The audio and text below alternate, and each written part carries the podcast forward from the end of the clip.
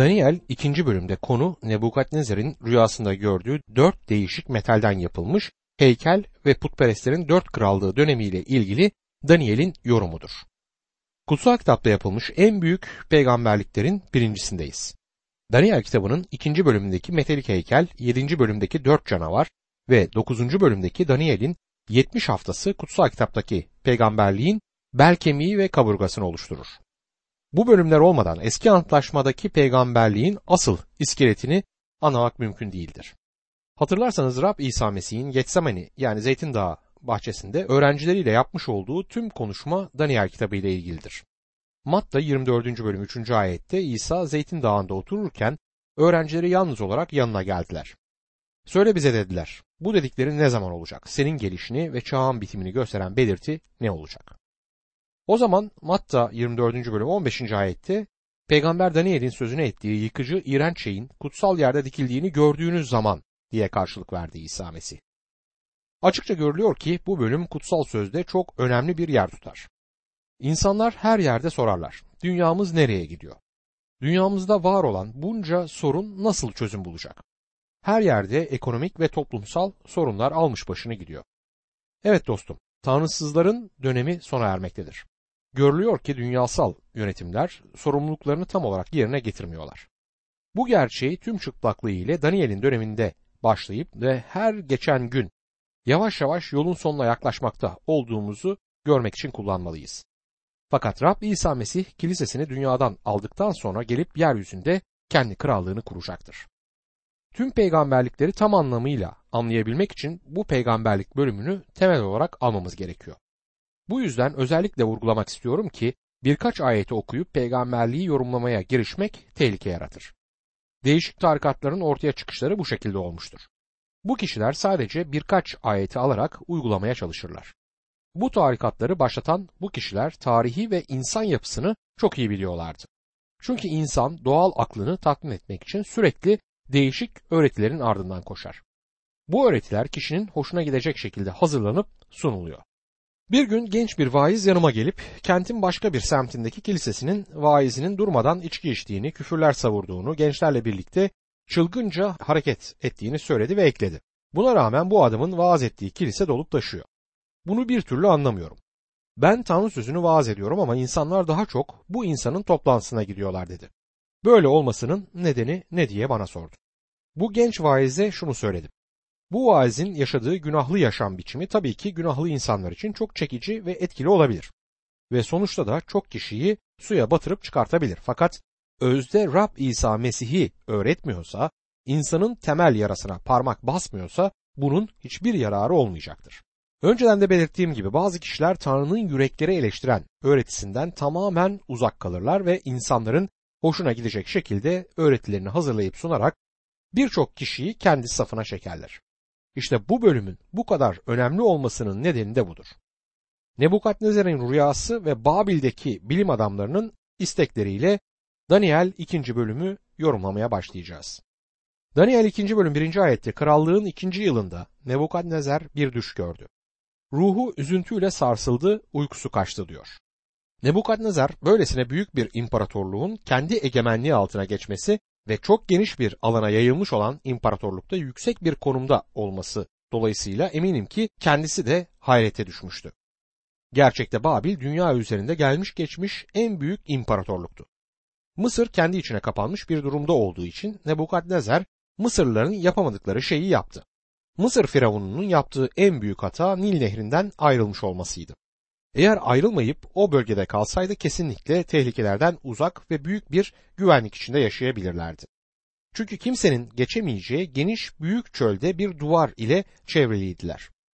Güvenlik altına alınması gereken tek yer ülkeye girişi sağlayan Nil Nehri'ydi. Mısırlılar geniş bir alana yayılmayı istediler fakat hiçbir zaman istedikleri büyük dünya imparatorluğunu kuramadılar. Dünyayı etkileri altına almış olmalarına rağmen bunu gerçekleştiremediklerini görüyoruz. Nebukadnezar birkaç küçük kabilenin reisi olarak işe başladı. Daha sonra da Asur ve Suriye imparatorluklarını kendi hakimiyeti altına alarak devam etti. Ve Mısır üzerinde de zafer kazandı. Yunan İmparatorluğu'nun üzerine de yürümüş olsaydı hiçbir direnme ile de karşılaşmazdı ve çok kolay bir şekilde bu bölgeyi de kendi egemenliğini alırdı. Fakat buna gerek yoktu çünkü tüm dünya zaten kendi hakimiyeti altındaydı. Nebukadnezer şöyle bir düşünce içerisine girdi. Aşağı tükürsem sakal, yukarı tükürsem bıyık. Bu durum içinde ne yapacağını şaşırdı çünkü tüm dünya imparatorlukları elinin altındaydı. Bu imparatorlukları rahat bırakırsa bir araya gelip kendisine saldırabilirlerdi. Bırakmadığı durumda ise tüm sorumluluğu taşımak zorundaydı. Bu da büyük bir yüktü kendisi için. İşte Nebukadnezar böyle bir çıkmaz içerisine düşmüştü. Tanrı tam bu dönem içerisinde kendisine konuşacaktır. Bu adam eli altında olan bu büyük imparatorluğun geleceği hakkında bu işlerin sonu nereye varacak diye düşünürken ruhu sıkılmaya başladı. O günden bugüne kadar tüm insanlık hala aynı şeyi düşünüyor. Bu işlerin sonu nereye varacak?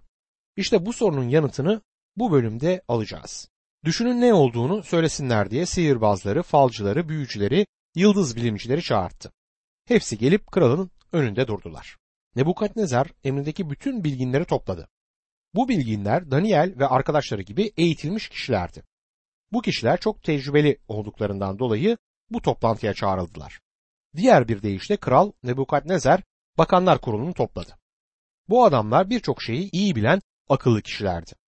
Aynı zamanda da bu yetenekli adamlar putperestliğe bağlı ve batıl düşünceleri olan insanlardı. Aslında düşünecek olursak yaşadığımız bu dönemde de batıl düşünceler almış başını gidiyor. Büyük bir uğraş sonrası profesörlük ünvanını almış öyle kişileri tanıyorum ki bu kişiler tanrısal sözde yazılı gerçekleri reddediyorlar. Bence bu kişilerin o dönemde yaşamış putperestlerden hiçbir farkı yok. Hatta bugün günümüzde daha da ileri gidilerek üniversitelerde astroloji yani yıldız falları öğretilmeye başlandı ve hemen hemen her gazetede burçların olduğu bir yer var. Bu nedenle o dönemde Babil'de yaşamış bilginleri küçümsememek gerekir. Çünkü bu adamlar günümüz profesörleri kadar akıllı ve zeki kişilerdi. Tüm bilgelik bu kişilerde toplanmıştı. O ana kadar hiç rastlanmamış bir buyruğu işitmeleri için Kral Nebukadnezar bütün bilginleri huzurunda topladı. Daniel 2. bölüm 3. ayette şunları okuyoruz. Kral beni üzüntüyle sarsam bir düş gördüm. Ne anlama geldiğini öğrenmek istiyorum dedi. Kral Nebukadnezar ileriki dönemi bile etkisi altına alabilecek olağanüstü ve şimdiye kadar görülmemiş rüyasını açıklayacaktır. Açıkça görülüyor ki Tanrı kendisine çok net bir şekilde bazı gerçekleri görebilmesi için açıklamada bulunuyor. Fakat tanrısal gerçeklerden uzak, karanlığa gömülmüş olan bu kralın bildiği tek şey gördüğü rüyanın çok önemli bir anlam taşıyor olmasıydı. Daniel 2. bölüm 4. ayette yıldız bilimciler Aramice ''Ey kral sen çok yaşa'' dediler. Düşünü bu kullarına anlat ki ne anlama geldiğini söyleyelim. 2. bölümde 4. ayet, 7. bölümde 28. ayetler Babil'de o dönemin resmi dilinin Aramice olduğunu bize söyler. Ey kral sen çok yaşa diyorlar. Bence bu bilim adamları söylenebilecek en aptalca şeyi söylemişlerdir. Sen çok yaşa demekle. Bu kral Nebukadnezar'ın sırtını sıvazlamaktan başka bir şey değildi. Eminim ki tahta oturan ve kalbinde önemli derecede sorunu olan çoğu kral şöyle derdi. Kusuruma hiç bakmayın sevgili çocuklar sizler yanılıyorsunuz. Sonsuza dek yaşayabilmem imkansız. Yakında bir kalp krizi geçirip yanınızdan ayrılacağım. Fakat ilginç olan bu kişiler bu olayı görmezlikten geliyorlar. Daniel kitabının bu kısmında dildeki değişime dikkat etmekte yarar var. Burada İbranice'den Arami diline ya da 4. ayette ifade edildiği gibi Süryani diline geçilmiştir. Bakılacak olursa 4. ayetten 7. bölümün 28. ayetlerine kadar Süryani dili kullanılmıştır. O dönemde Aramice resmi idarelerde kullanılan dildi. Yahudilerin dışında tüm dünyanın kullandığı dil Aramiceydi. Örneğin birkaç yıl öncesine kadar Fransız dili tüm uluslar tarafından kullanılan herkesin anlaştığı dünya diliydi fakat şimdi yerini İngilizce aldı. İşte o dönemlerde bu dilde Aramiceydi. Bu değişimin önemi şudur. Tanrı artık tüm dünyaya konuşur. Sadece İsrail halkına değil. İsrail Babil'in esareti altına girdi. Tanrı egemenlik asasını Davut'un soyundan alıp Yahudi olmayanların eline verdi. Asa geri alınana dek orada kalacaktır. Ve o zaman İsa Mesih'in çivilerle delinmiş elleri asayı geri alacak. Çünkü Tanrı'nın amacı egemenliğin İsa Mesih'te olmasıdır. Buradaki konu evrensel yani tüm dünya insanlığını içine alan bir egemenliktir. Tanrı sözünün sınırlandırılmış ve sadece tek bir toplumu içine aldığı düşüncesi kesinlikle yanlıştır. Dikkatlice inceleyecek olursak Tanrı'nın evrensel bir krallık düşüncesi olduğunu görüyoruz. 89. mezmurda Tanrı'nın Davut ile yaptığı anlaşmadan söz edilir. 89. mezmur 27. ayet. Ben de onu ilk oğlum dünyadaki kralların en yücesi kılacağım diyor bu mezmurda. Aynı mezmurun 34 ila 37. ayetleri arasında şöyle devam ediyor. Antlaşmamı bozmayacak, ağzımdan çıkan sözü değiştirmeyeceğim. Bir kez kutsallığım üstüne ant içtim. Davut'a yalan söylemeyeceğim. Onun soyu sonsuza dek sürecek. Tahtı karşımda güneş gibi duracak. Göklerde güvenilir bir tanık olan ay gibi sonsuza dek kalacak. Diğer bir deyişle şu gerçek burada vurgulanır. Eğer dışarı çıkıp da güneşin gökyüzünden kaybolduğunu ve ayın da geceleri belirmediğini görürseniz o zaman fikrimi değiştirdiğimi anlayın. Fakat güneşi ve ayı gördüğünüz sürece bu dünyanın üzerine kendi kralımı koyacağımı bilmelisiniz diyor. Şu anda evrensel bir durumdan söz ediyoruz. Bu yerel bir durum değil. Bu olay ilk büyük dünya egemenliğini ilgilendirir ve kullanılan dil o zamanlarda dünyanın kullandığı dildir. Daniel 2. bölüm 5. ayette gördüğün düşü ve ne anlama geldiğini bana açıklamazsanız kararım kesin. Paramparça edileceksiniz diye karşılık verdi. Evleriniz de çöplüğe çevrilecek. Bu belki çok abartılı ve karşı tarafı karamsarlığa itecek bir yargıdır. Ama kralın ne istediği çok açık bir şekilde ortada.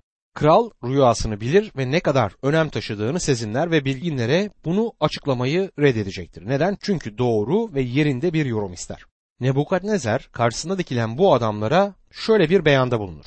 Ben bu yargı konusunda olan fikrimi değiştirmeyeceğim. Ben sizlerden rüyanın yorumunu duyacaksam o zaman rüyayı da bana söyleyin diyor kral.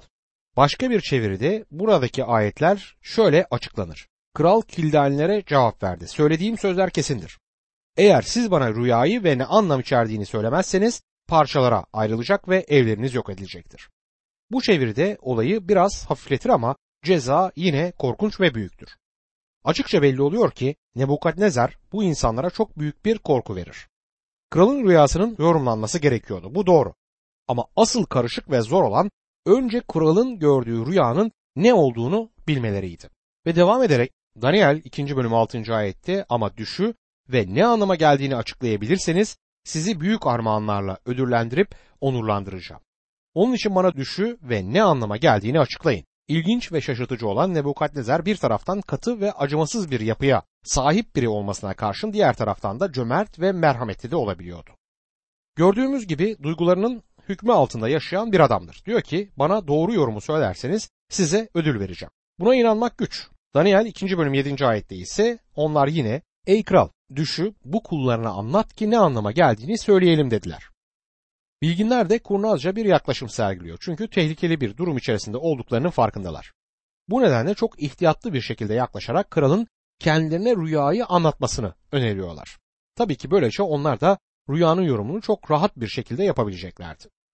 Daniel 2. bölüm 8. ayette bunun üzerine kral kararımın kesin olduğunu bildiğiniz için zaman kazanmak istediğinizi anlıyorum dedi.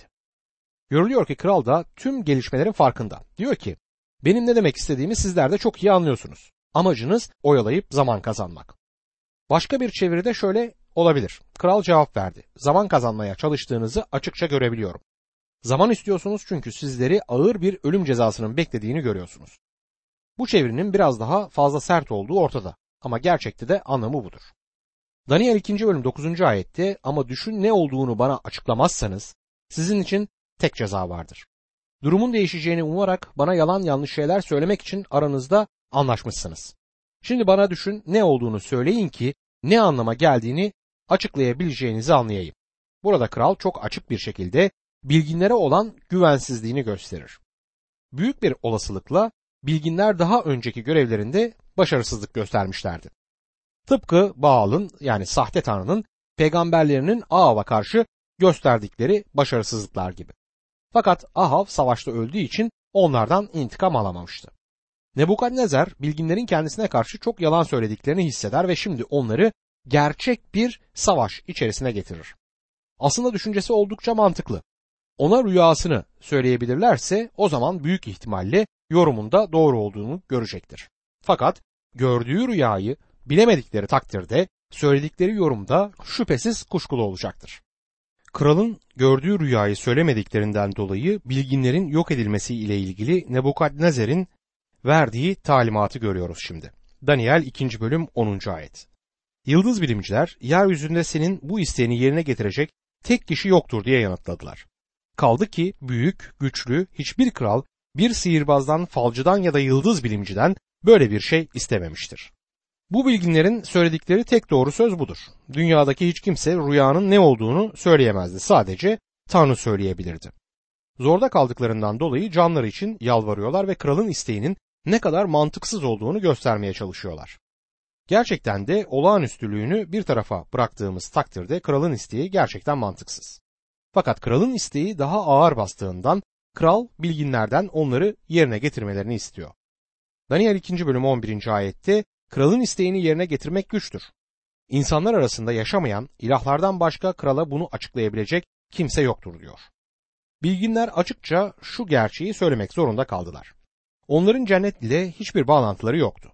Üstelik kendi tanrılarının kendilerine pek bilgi vermediğini bile açıkça itiraf ediyorlar. Sonuç olarak hiçbir insanın kralın isteklerini yerine getiremeyeceğini söyleyerek sözlerini bitiriyorlar.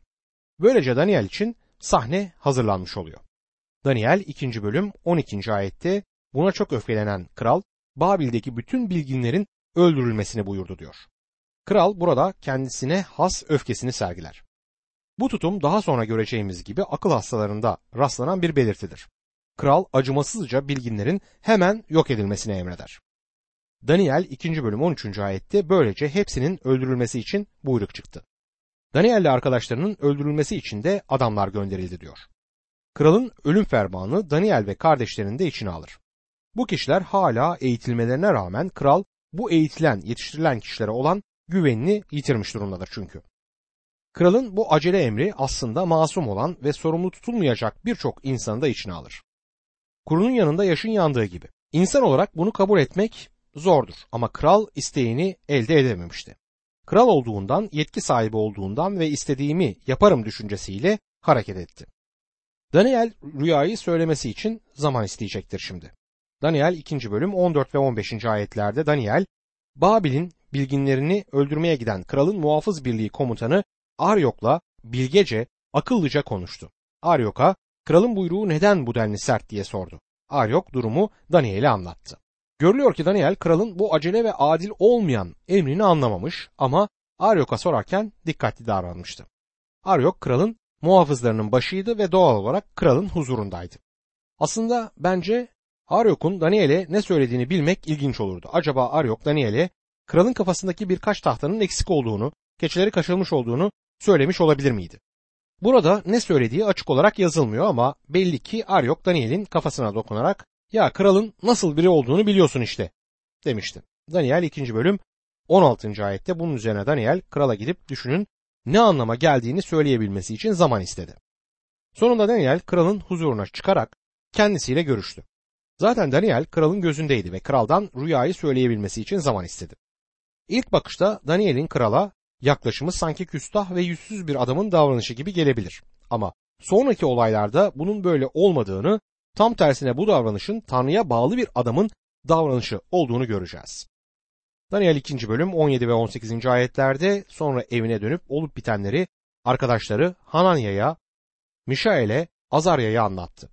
Göklerin tanrısına yakarmalarını istedi. Öyle ki Tanrı onlara lütfedip bu gizi açıklasın ve kendisiyle arkadaşları Babil'in öbür bilgeleriyle birlikte öldürülmesinler. Göklerin tanrısı bu sözü sadece esaretteki kitaplarda bulabilirsiniz. Ezra, Nehemya ve Daniel dahil olmak üzere burada yer alır. Tanrı'nın görkeminin Kudüs'ten tapınaktaki kutsalların kutsalından ayrılmasından sonra ona göklerin tanrısı olarak hitap edilir. Bu Yahudi gençlerin yüce ve her şeye gücü yeten Tanrı'nın küçücük bir tapınakta hüküm süreceği gibi bir düşünceleri yoktu. Çünkü onlara göre o göklerin tanrısıydı. Merhamet bu duaların temelini gösterir. Tanrı dualarımıza gösterdiğimiz çaba ve uğraştan dolayı ya da dua eden kişinin yapısal özelliğine bakarak yanıt vermez. Bütün dualarımız onun merhametine dayanmalıdır. Bugün İsa Mesih'in isminde dua etmek kendi değerimizde değil de onun değerinde merhamet için ona bakarak adının gücünde dua etmek anlamını taşır bu. Şimdi rüyanın anlatımına bakacağız. Daniel 2. bölüm 19. ayette gece giz bir görümde Daniel'e açıklandı. Bunun üzerine Daniel göklerin tanrısını övdü. Sanırım Tanrı'nın rüyayı Daniel'e açıklayış şekli Nebukadnezar'a gösterdiği rüyanın aynısını Daniel'e göstermesiydi. Bu oldukça mantıklı bir açıklamadır. Daniel 2. bölüm 20 ila 23. ayetlerde şöyle dedi. Tanrı'nın adına öncesizlikten sonsuzluğa dek övgüler olsun. Bilgelik ve güç ona özgüdür. Odur zamanları ve mevsimleri değiştiren. Kralları tahttan indirir, tahta çıkarır. Bilgelere bilgelik, anlayışlılara bilgi verir. Derin ve gizli şeyleri ortaya çıkarır. Karanlıkta neler olduğunu bilir. Çevresi ışıkla kuşatılmıştır. Ey atalarımın tanrısı, sana şükreder, seni överim. Sen ki bana bilgelik ve güç verdin. Senden istediklerimizi bana bildirdin. Ve kralın düşünü bize açıkladın. Bu Daniel'in kayıtlarına geçmiş birçok duadan birisidir. Daniel peygamber amacın, duanın ve peygamberliğin adamıydı. Bu rüyadaki sırrı Tanrı'nın kendisi Daniel'e tüm ayrıntılarıyla açıkladı. Bu duada Daniel'in müthiş şükran duası da görülür.